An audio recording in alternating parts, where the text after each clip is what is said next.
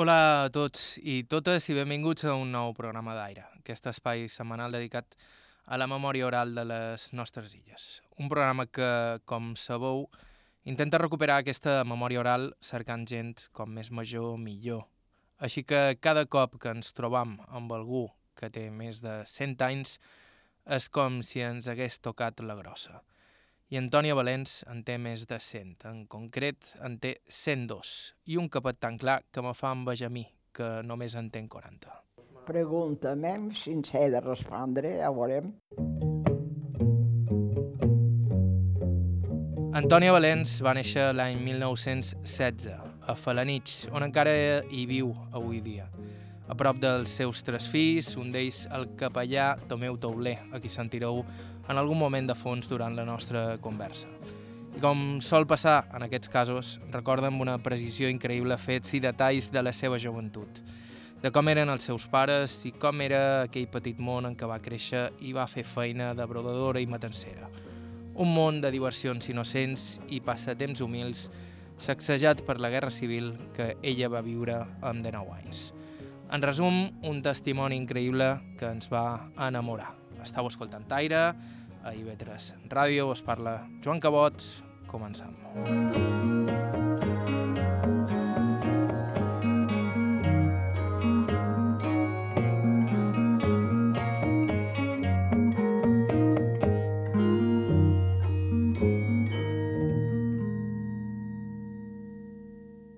I començam al carrer de Ceseres, de Falanich, on viu una Antònia. Ella mateixa es presenta. Antònia Valens Raig. Vaig néixer l'any 16, dia 21 d'octubre.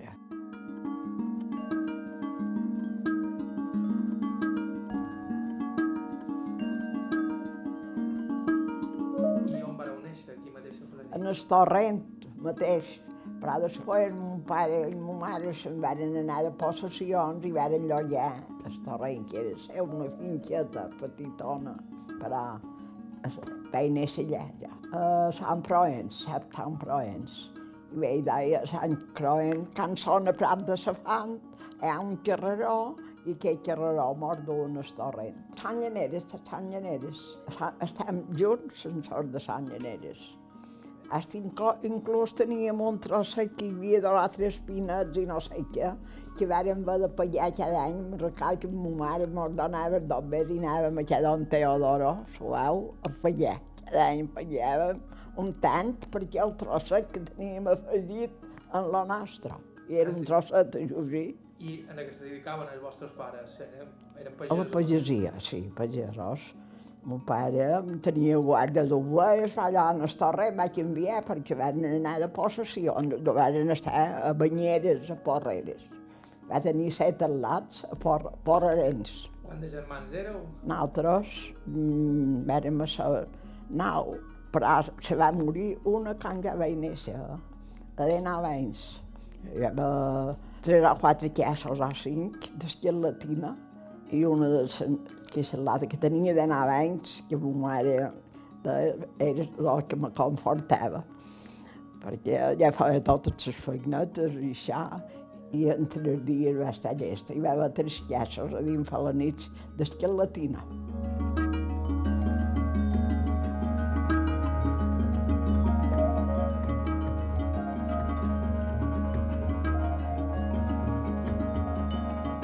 Resultava que mon pare havia llogat la seva finca a uns. I llavors va haver d'esperar que també se n'anassen per estar-hi. I, i nosaltres vam quedar a Sant Suau, però llavors vam anar a el torrent. Ja vaig néixer en el torrent, perquè primer, després de venir de Porreres, vam estar a Sant Suau, que està afegit en el poble, quasi. Sortint del poble de Falanits, ve Sant Suau. I, i mon pare va, va, hi faltava i li varen convidar per estar-hi i vàrem estar dos o tres anys, a quatre, i llavors mos vàrem anar al torrent. I jo ja tenia, com mos vàrem anar al torrent, tres anys. Però hi vaig néixer en el torrent, perquè llavors se'n varen anar a la possessió, no sé què va passar. Ja vaig néixer en el torrent. Ja varen deixar porreres. Hi varen néixer set porreres. de, de me deien. Set fills varen néixer a Porreres. Mon pare sé que eh, era el mateix senyor que tenien a Montuïri, llavors se deia, Sant Castanyer. Sant Castanyer i, i era el mateix senyor, i jo ho van posar, posar allà a Banyeres, que era arran de Porreres. Al·lots ja van tornar grans, se van casar, estaven a Palma, el meu germà major va fer enginyeria, i, i de l'enginyeria va sortir xòfer i ja se va posar a en Ribes de xòfer. I l'altre que va venir ja va fer el que era el mateix, no sé si vaig fer servici d'enginyeria, no ho sé, en Joan. La tia Joana bon va fer servici a Palma, però no, no va fer enginyeria. Era xòfer, també. Tots dos van quedar a Palma. Si és que ja només vaig estar amb els tres germans petits, els altres que era quasi... Quan va venir el germà major, que va venir vestit d'enginyeria, de, me va fer por. Vaig córrer, vaig fugir per imaginar-me, perquè me va fer por. No el coneixíeu? Ja tenia tres anys, segur, o una cosa així. Son pare ja tenia 50 anys quan va néixer en Antònia, una edat sorprenent avui dia, però llavors no tant. A ell el recorda com un home prou instruït per ser pagès. De fet, donava classes de repàs als vespres als nins de la contrada. Mon pare va anar a repàs i, i, i de, si, si m'haguessin donat estudis, hauria pogut prendre una carrera. I anava a repàs a, a darrere i no sé ni quina, Sant Comelles, que era de Montoiri. Eh, Sant Comelles va anar a repàs, diu, crec que hauria pogut prendre una carrera. Era, estava en una edat que, que, que li anava bé d'estudis i sabia bastant, mon pare, que era quasi pot dir el poble de, de Torrent va venir tota la lotea a repàs els vespres, sé que ja ja tenia els meus anys i ja li ajudava a fer llegits de lots. Mira ja devia tenir eh, sis anys, una cosa així, cinc o sis anys, a set, pintura, no ho sé, això, no sé si era sis, set. Pare li ajudava, feia llegir un i, i ell arreglava els altres i li vaig ajudar bastant. Pare tenia ovelles i, i en l'estiu tocava la de jonot i sabia mare, mon pare en les ovelles, ara mon pare era allà de Sant. No, és fabiol, o la. No, no, és que se diu Tomeu. Flauta també l'atac encara, encara la té. Tenia molt de sentit, mon pare. Cantava molt bé, era un baixat, però cantava molt bé. Perquè deien que feien un mes de Maria, que, que mi, mi, mig poble de, de, de Sant Provenç anaven en el mes de Maria i, i mon pare duia la batuta i, i la germana i ell tot la gent venia a fer més de maria i cantaven i feien lo seu, se divertien bé. Jo acabava amb un ball, perquè mon pare era molt tocador de guitarra, i ran, ran, ran, tom, tothom ballava, fet més de maria. I i, i molt que se divertien, i venia molta de gent. Una dona me deia, una dona antiga, que, que sabia, me deia, eren d'haver 50 sempre per més de Maria, de gent dins la casa. Era grandet el torrent dins la casa, era gran, era gran el puesto. I tenien un mes de Maria amb escala, i la Puríssima damunt, i una escalonada de flors. Oh, ho feien molt, molt, molt solemne. Saber lletra en aquell temps no era tan comú com avui dia. Saber llegir i escriure, de fet, convertir son pare d'en Antònia en la persona a qui tothom recorria en cas de necessitat. Era més sabia lletra i molta gent venia a consultar-li les cases perquè mon pare sabia. No, no, n'hi havia molt que no en sabia, menys la mon Jaume, mi Jaume, mon pare men això, men això altre, que era quasi era jutge de pau, de per part Vila. Sí, no. Venien a consultar-li i venien uns homes i llavors jugaven a terceti.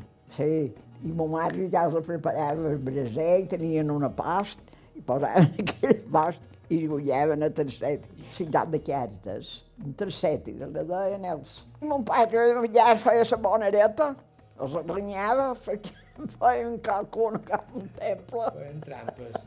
no sé, no trampa, no, perquè tampoc no coneixien tant tant. El Jack, un pare devia conèixer ja de, de, de jove, però venien i xerraven i reien també, i feien de tot. El caràcter de son pare contrastava i bastant amb el de sa mare, Met Saber, una d'aquelles dones pageses que es podien carregar totes les feines a l'esquena i que totes les sabien fer bé. Ma mare era una dona pagesa, però que sabia fer totes les coses. No sé per què era ma mare. Oh, i va, era un caret que... Eh, amb una vegada així, ja sabien què havien de fer, perquè no, era de mosques. Era molt severa, la predina. Bé, amb altres ja no ho va ser amb altres gent, llavors la va estimar molt sempre, perquè estàvem allunyat cada dia venia a guardar. Era una dona que ho sabia fer tot com a ma mare, no sé si és perquè era ma mare. Era una dona que, que sabia fer pastes, anava fent-ne a un parell de terres del barri, jo. Ma dona vendreu a fer-me les coques bambes i anava a fer les pastes per fer les coques bambes. S'ha me recorda. Ma mare tenia una salera i deien la salera. Era un quarto que tot era per formatge. Teníem un mercat d'unes peces així, i ma mare de tant en tant, mercat que els, els refrigava, no sé amb què. Ah? Si no sé amb què, ma mare tenia el seu trucó. I les, les de Sant Àvia les tornava a posar, de tant en tant les cuidava i tot l'any tenien formatge.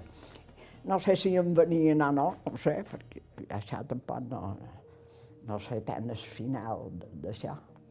Però teníem una salera pasta per formatge. Per tant, feia brossat i feia formatge i, i, i de tot.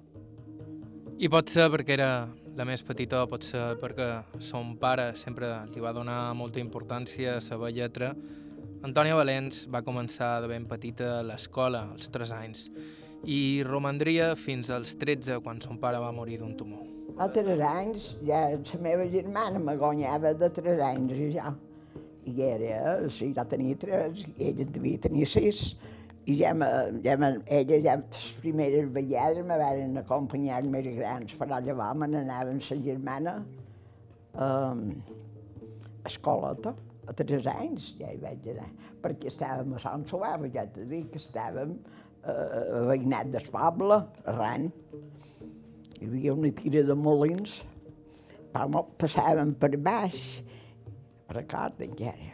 Vaig anar a escala fins a 13 anys, si mateix. Però mon pare s'hi va morir als 13 anys. Què va ser?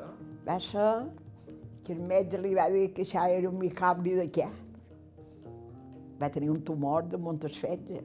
El van operar, però se pensaven que bueno, que no era res.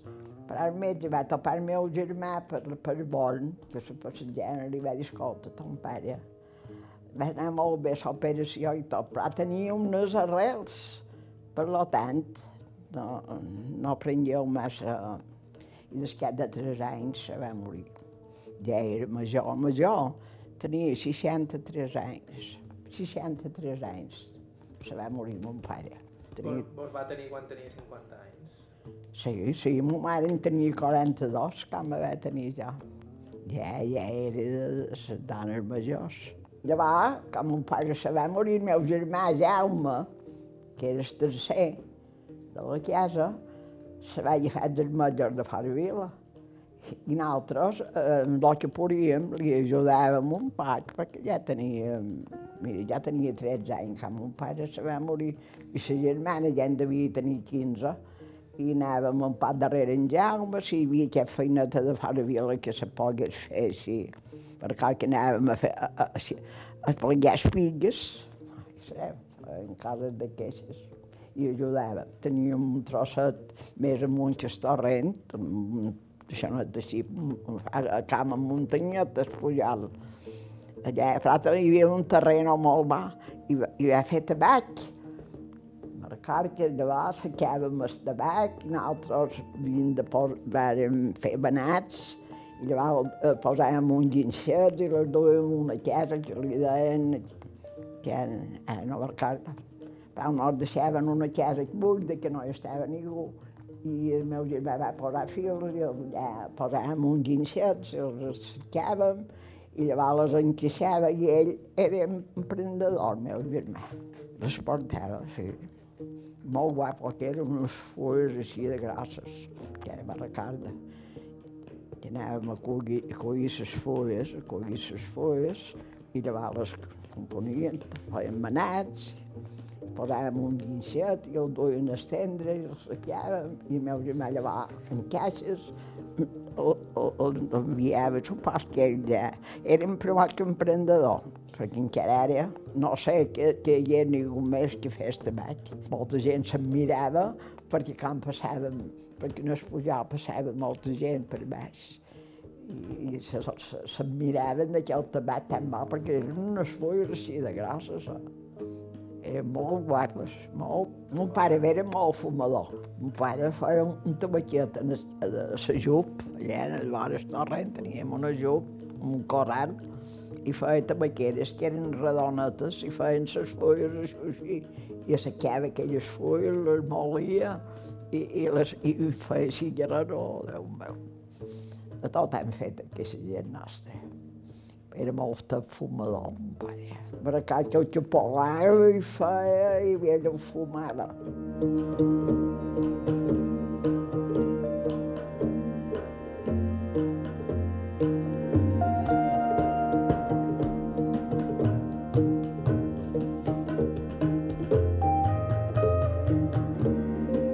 Era Antònia Valens Roig, falanitxera, nascuda el 1916, es dedica ara mateix té 102 anys. Estau escoltant Aire i Vetres Ràdio, fem una pausa i continuem.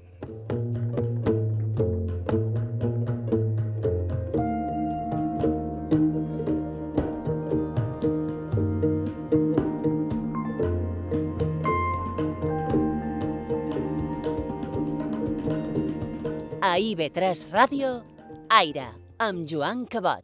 Aire, Joan Cabot. IB3 Ràdio.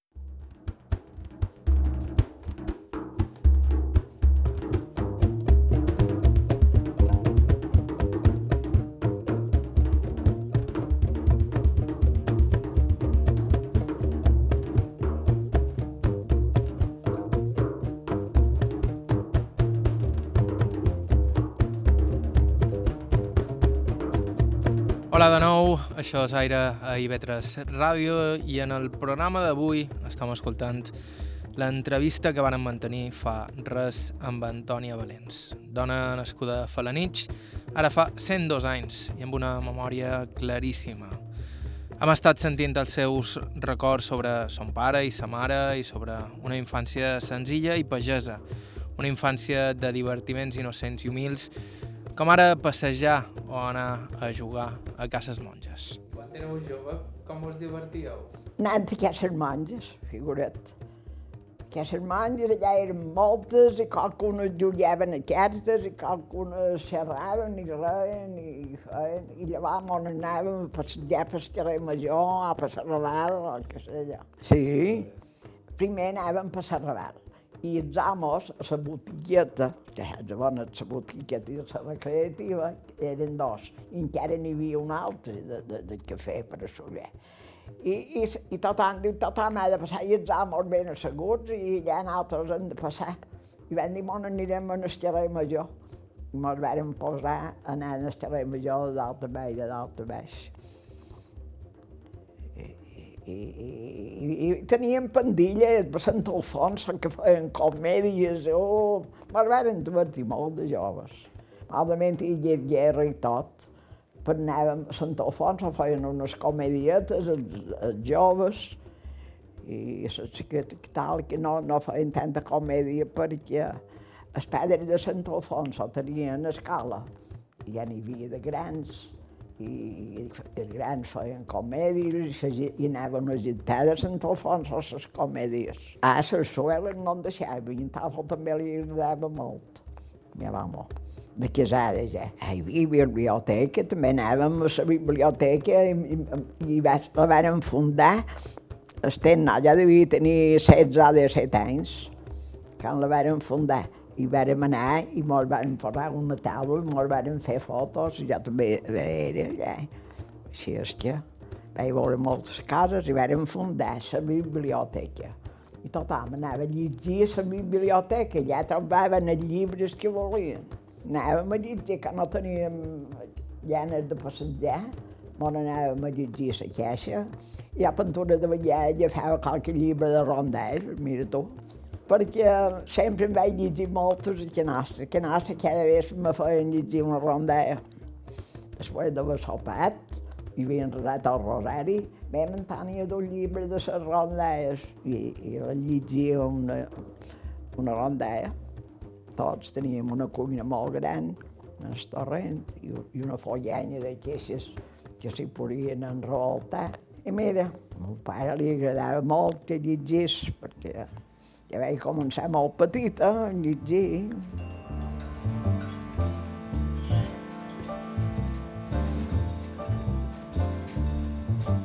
Va ser després de la mort de son pare que n'Antònia va deixar l'escola i es va posar a fer feina. Ja instal·lats al nucli del poble, per via d'una tia seva, Antònia va entrar a fer feina a una matança, una de tantes fàbriques d'embotits que en aquells temps existien a Falanich. Després, mon pare va ser mort i això, eh, teníem una tia que li dèiem la tia Soberana, que era tia de la tia Antònia, i va dir, eh, si veniu a la vila, podries venir a la matança. Feim matança i anem els tres o quatre mesos d'hivern, diríem, començàvem un poc antes de Nadal, fins a haver els març. I diu, pot venir.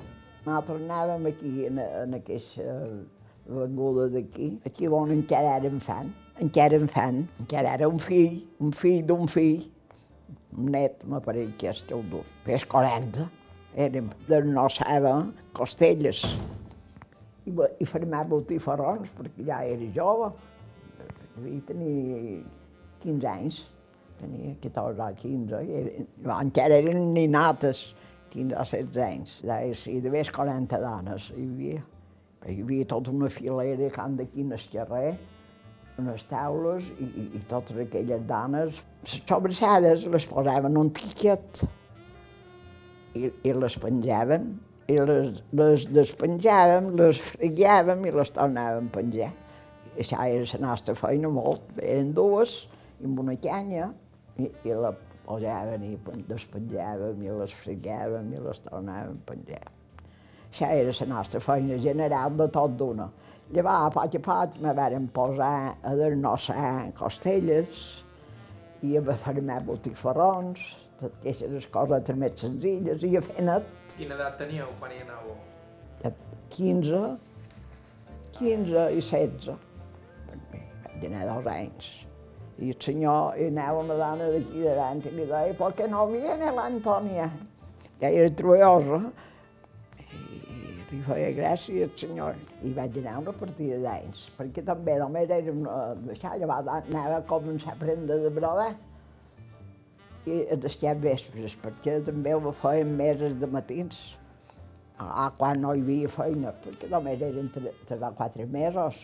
Començàvem en els en el novembre, diríem, desembre, gener i febrer, aquests quatre mesos, no feien pus.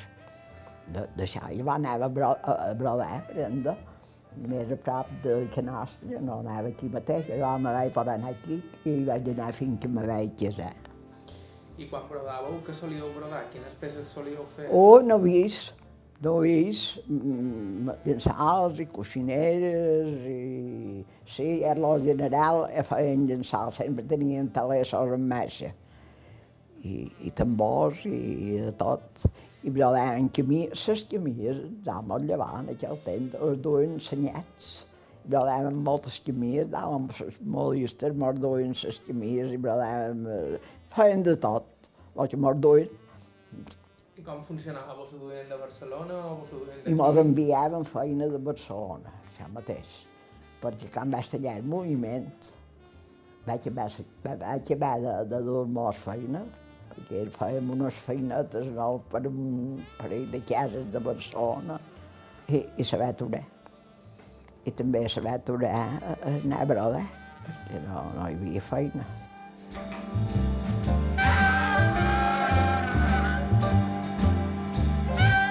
Tant per edat com per caràcter, en Antònia no em feia de bona per allà. Ella mateixa ho diu diverses vegades era bastant trullosa i encara ho és. De fet, encara conserva el bon humor malgrat la seva edat. És, un dia posàvem polvos en es... se diuen les cuixes, les cuixes d'espats, jamons. Posàvem polvos, perquè, eh? I justament, com el senyor va entrar, havia fet la veïnada, una polseta. Antònia, Antònia! Ah, va un dia vaig fer bon meu. Oh, ha entrat un mos, senyor. Oh, vingui, corre, corria ja el senyor al tema. No, ja l'he sentit. Ja tornava a fer, ja, ja l'he sentit. Ja, ja. I fins tot se rebentant de riure darrere. Bueno, era bona. Anar de res, no, no es fes molt. Si un altre anava un pot davant.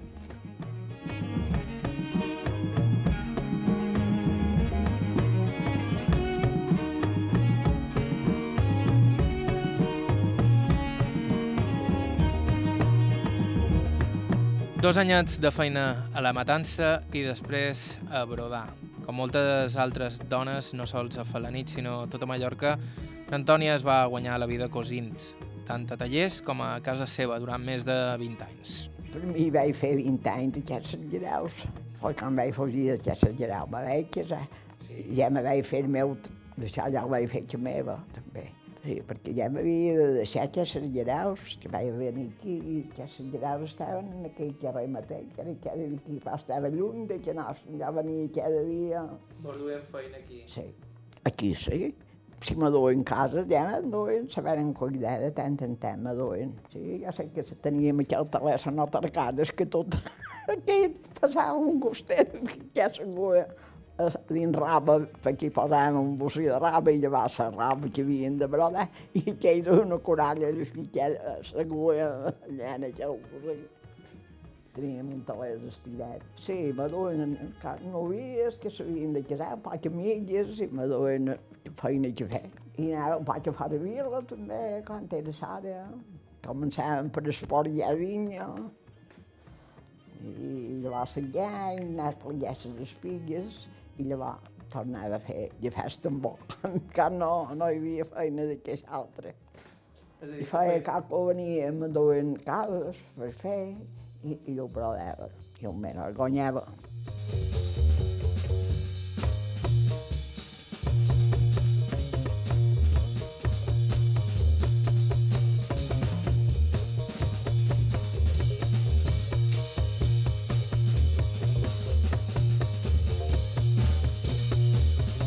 Aquella era una de les indústries que més feina donaven a tota Mallorca. Aquí la mà d'obra era baratíssima, però la guerra ho va estroncar tot.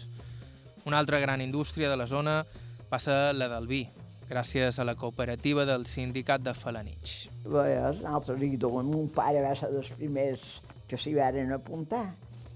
I Mercard era un entusiasta del sindicat, mon pare. I com funcionava Molt bé, tot dur beníssim, beníssim, però el que passa poc a poc, que van arribar, que saps que va, perquè un tàfol meu, va, i va estar allà darrere d'altres, perquè no estaven, llavors on venien a un d'aquells, perquè allà hi havia Can Ramis que feien vins, hi havia particulars, i venien a Reina però llavors s'hi van apuntar també. Sí, particulars que feien vi, en Can Rames i hi havia no sé quantes cases que feien vi, però farts ho feien mà.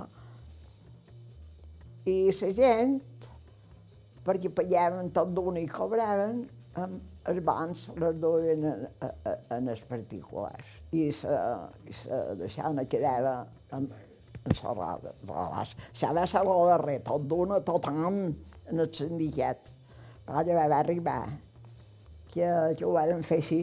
Ho duen en els particulars, cobraven tot d'una, ja estava. I en els sindicats mateix havien d'esperar, com aquell que diu, havien de vendre el vi, i quan tenien el dos bet del vi llavors pagaven. Tenia molta de vinya a la nits, molta. i vàrem fer molt en el sindicat, anava beníssim, i va, va durar molt d'anys si mateix el sindicat.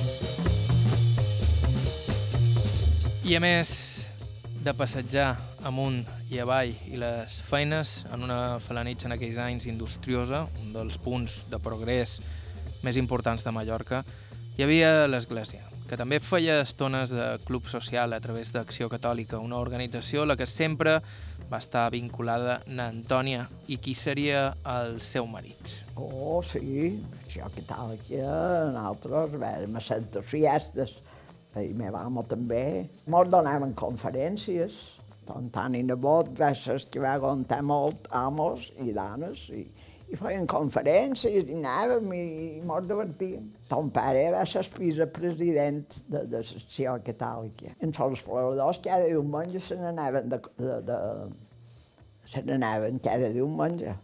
I llavors una bossa anava més tard, quan havia dit la missa, anava a cercar-los, anava, no sé, aquí, amb enviar el llagost, amb, hi havia una bot, hi havia molt d'entusiasme i n'hi va haver molts, i cada diumenge, cada diumenge se n'anaven d'excursió.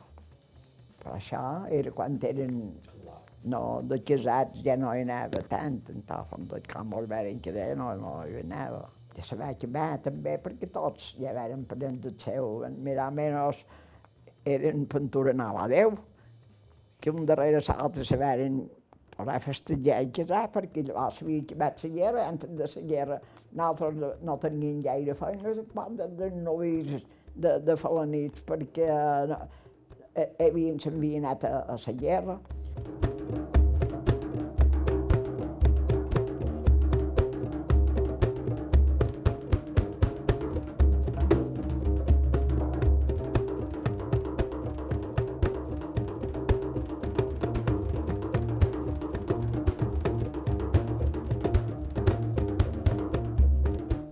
Sobre la guerra en parlarem d'aquí uns segons. En parlarem amb Antònia Valens, vos ho recordam, 102 anyats, quasi res. Això és aire, feim una pausa, tornem en uns segons.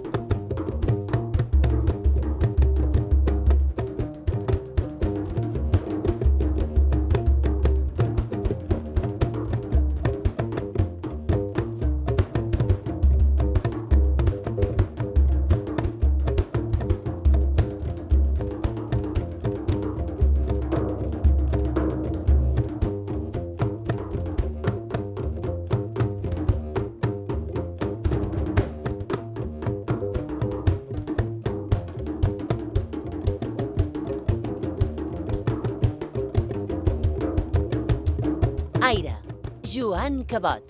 IB3 Ràdio. A IB3 Ràdio, Aire, amb Joan Cabot.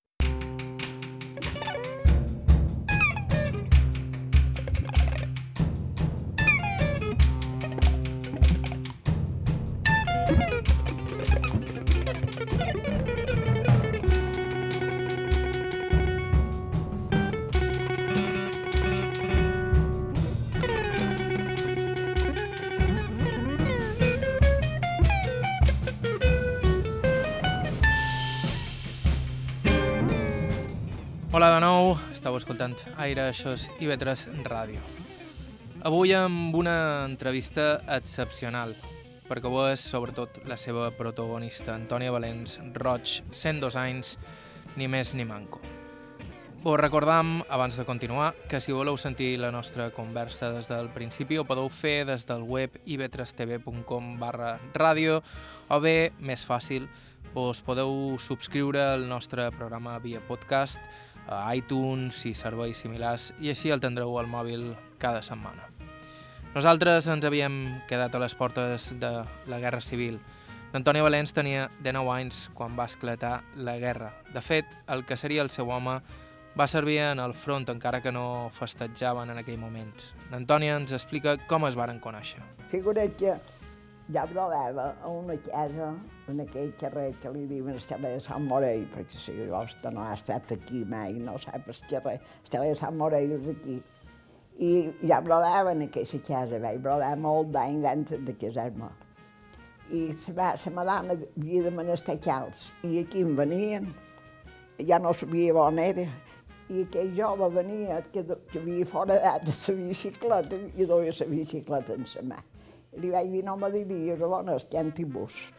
Diu, sí, diu, és aquí mateix. I d'aquí, diu, aquell vespre, diu, ja no vaig dormir. Me va dir després.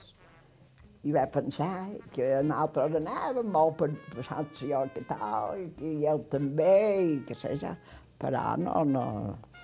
I d'aquí li va venir, que també li havia donat relació, la tia Maria li havia dit que li agradava per ells. Era una cosina seva que no tenia respons, estaven a prat d'aquí. I, I li va anomenar ja, ben, li va anomenar un parell per arma. I, i, i ja va estar. Ja, ja el diumenge de davant, com ens passejàvem pel carrer Major i allà i, i d'allà, se va presentar sense més ni puf. Ton pare, sí com era ella, ja vaig de trincar el davant perquè no tot d'una no li sortia. No era molt xerrador i era molt intel·ligent, però...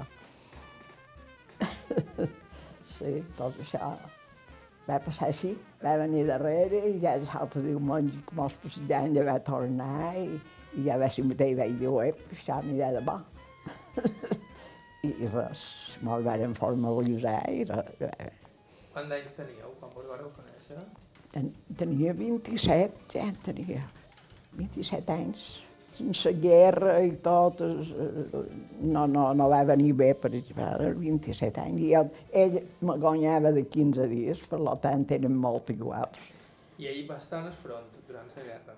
Sí, sí, sí, sí, se va haver d'anar. De vegades deien d'excursions, diu, oh, ja hi vaig estar allà i per tot, per tot va triscar perquè moltes vegades i ara fan una excursió a tal banda, diu, ja hi vaig estar. Per tot va anar, va anar, van recórrer bastant, els, a la cuina estava molt, a la cuina deia que estava, que menjaven bé com ella era. I va venir a un home, no sé, diu, i era un ringo-rango i no, i no menjaven a mitja, com que ell era menjadoret.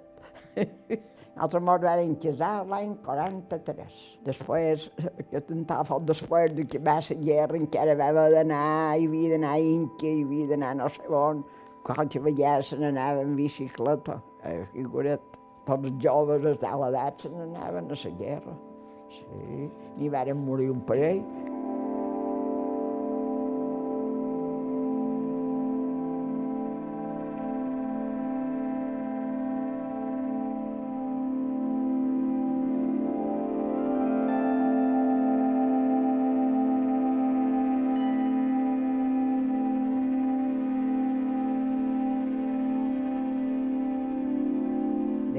Tenia. Sí, sí me recorda quan va començar i quan vaig acabar. Vaig, vaig viure tot, tot aquell temps. Res, ja ni, ja ni tot marxava. Pareixia, però moltes coses anaven enrere perquè els aus no valien quasi res, perquè no els podien exportar. No podien exportar. Els baldats se van aturar i ja hi havia una senyora de Can Falcó, no sé si has sentit anomenar els Falcons, on Pep Falcó va ser militar i estava per, per aquesta part, o sigui, un fill seu. Tenia cinc fills tots eren a ser militars. Major, eh, don Pedro va ser tinent de Guàrdia Civil i en, don Joan va estar retirat de, de, de, de la llei de Nassanya. Un altre fill que també era tinent a això. I va, va tenir un altre, en Enrique, que li van fer un forat a la cuixa, Sí, tu tenia una cuixa, era cos, i també era, no sé què, era coronel, va arribar a en Enrique. El major se va morir sols quan varen entrar els russos a Manacà. Això me'n recorda que varen entrar, varen entrar els russos a Manacà i varen espanyar cases a l'església, sé que altres cases. Aquella doneta que deia, se'n varen, varen espanyar la Mare de Déu de Fàtia, de Fàtima, de, de, de, no, no, de Fàtima, d'ella. Deia malament, però vaja, deixar-me recordar que varen, i el major el varen matar. No n'hi va haver gaire de març, però el varen matar perquè era, era molt decidit. Que no tenia, eh, que no era tan estudiador com els altres. Vaig viure amb sa mare l'any de la guerra, perquè mon mare estava en altres dues a la vila, llavors vam, el meu germà se va casar, va quedar en el torrent, i nosaltres dues vam anar a estar en el poble. I va resultar eh, que no, no mos enviaven res de Barcelona, mos enviaven robetes de Barcelona, de merceries, mos enviaven molta de feina, i, i se va aturar. I, i ja tampoc no vaig tenir feina, i vaig estar un any amb aquesta senyora. I ma mare estava a de i venia molt estar nosaltres.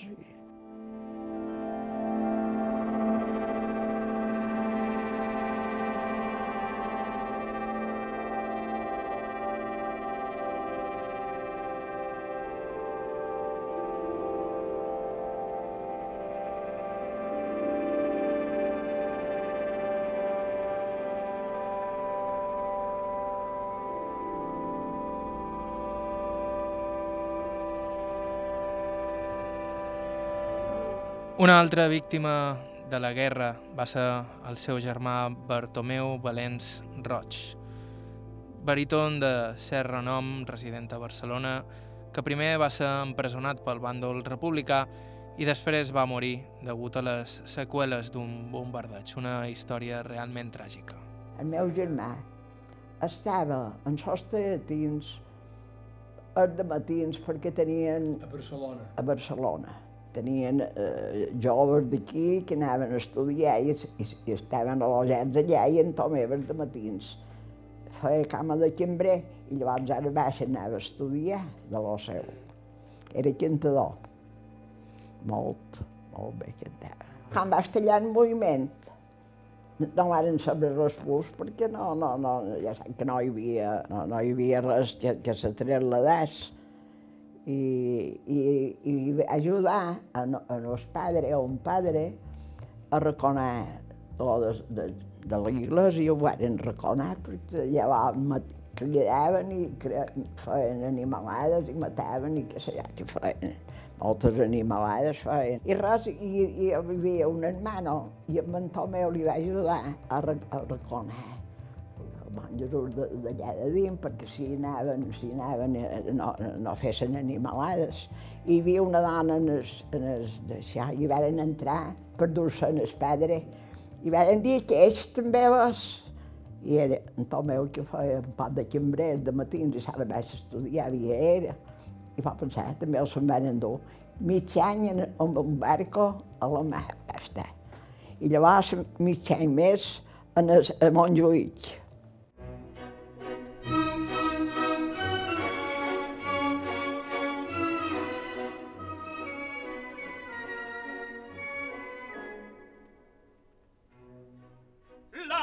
Va morir perquè una bomba el va, el va pillar. I va quedar en socar, li, li creixia massa, va haver de venir a la nit, va estar un any i se va morir.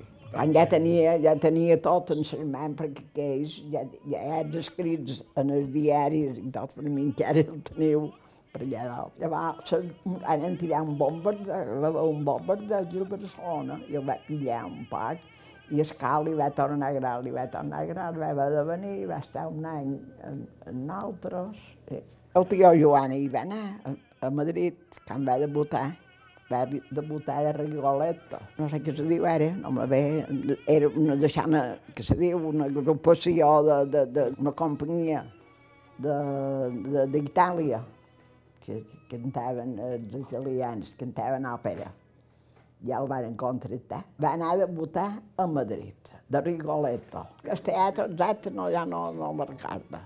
Sé que el tio Joan, que era germà seu, que vivia a Palma, ja casat, hi va anar quan ell va debutar, va debutar de Rigoletto, en Rigoletto, no sé si, si, si que, que sé, sé que la música si ara la sentit, sabria que era. Sempre un amabile pianto in riso e menzognero la donna è qual più malventa muta da La vida del baríton Bartomeu Valens Roig forma part dels llibres de història de la música al nostre país i Bartomeu Valens no era una excepció la seva família per l'amor a la música. De fet, eren de raça cantadora. N'Antònia també. Oh, sí. Vaig arribar al poble, fiets, i manges d'un vent i manges de l'altre. Hi havia tres convents de falanits. I totes tres volien que anés a cantar, perquè ja sabien que de nina, que cantàvem. Ja, ja vaig anar 13 anys, fins a 13 anys. I que cantàveu, que cantàvem a l'església, quan feien una missa, quan feien una festa, I teníeu bona boia. i ja vaig fer un so, pensar, més gras. a Fara Vila cantàvem molt. I de Brodan, no, no, se, se la, de vegades, entalaves fil, no, I no cantàveu? no cantava gaire. Pot ser que cantés jazz, però no, no. Que cantàveu a fora vila quan... Just, les cançons modernes que sabíem i venien aquells amb aquells de soneros que se'ls deien. No, no recordeu altres que venien aquelles senyores amb un paquets i, mos, i compràvem les cançons i els apreníem. aquells Amb un pa- No sé què els deien, tenien un nom. De tant en tant venien i mos venien les cançons i els apreníem. Però a fora vila, que cantàveu quan per batre i per... Oh, per batre ja no... no Bé, i per i, i, can- i, i, i, sempre cantàvem, el que sabíem, a fora vila cantàvem, quan venemàvem, que eren molts, i oh, sempre cantàvem. Nosaltres, nosaltres que nostres van ser molt cantadors, tots. Hi havia en Tomeu Queix, que va ser... I mon pare ja era.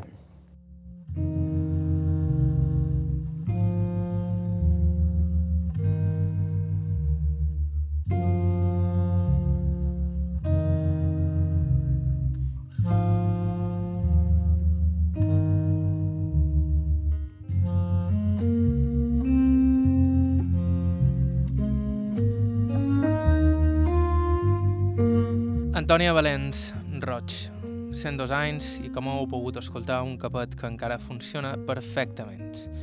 De fet, n'Antònia conserva una salut envejable per la seva edat, malgrat li costi caminar després d'una lesió de fèmur. I a més d'això, un bon humor que encara perdura, tot i haver assistit a massa funerals. És el que té viure tants anys. I ja ara ja no conec ningú, ni, ni, ni tenc cap amiga, ni, ni tenc ningú, tothom és mort. Però vos venen a visitar. Molta de gent, però no són d'amigues meves així, ben no, joves. perquè ja en vaig tenir, perquè vols aquelles que tres que estan retratades sempre anaven juntes quan eren més joves. Però amigues totes, totes a veure, no vaig estar barata amb ningú mai, gràcies a Déu. Tenim els falanits, que posen cada setmana, tots els març i això, i m'enter per falanits. Sí, per cert, una Catalina Bossa, que era germana d'Anna Maria Bossa, que estaven aquí. La mesa va morir només fa d'haver un mes. I, I me vaig informar per falanits, però ni vaig a Can Mar, ni vaig enlloc, ara ja fa do- dos anys que no...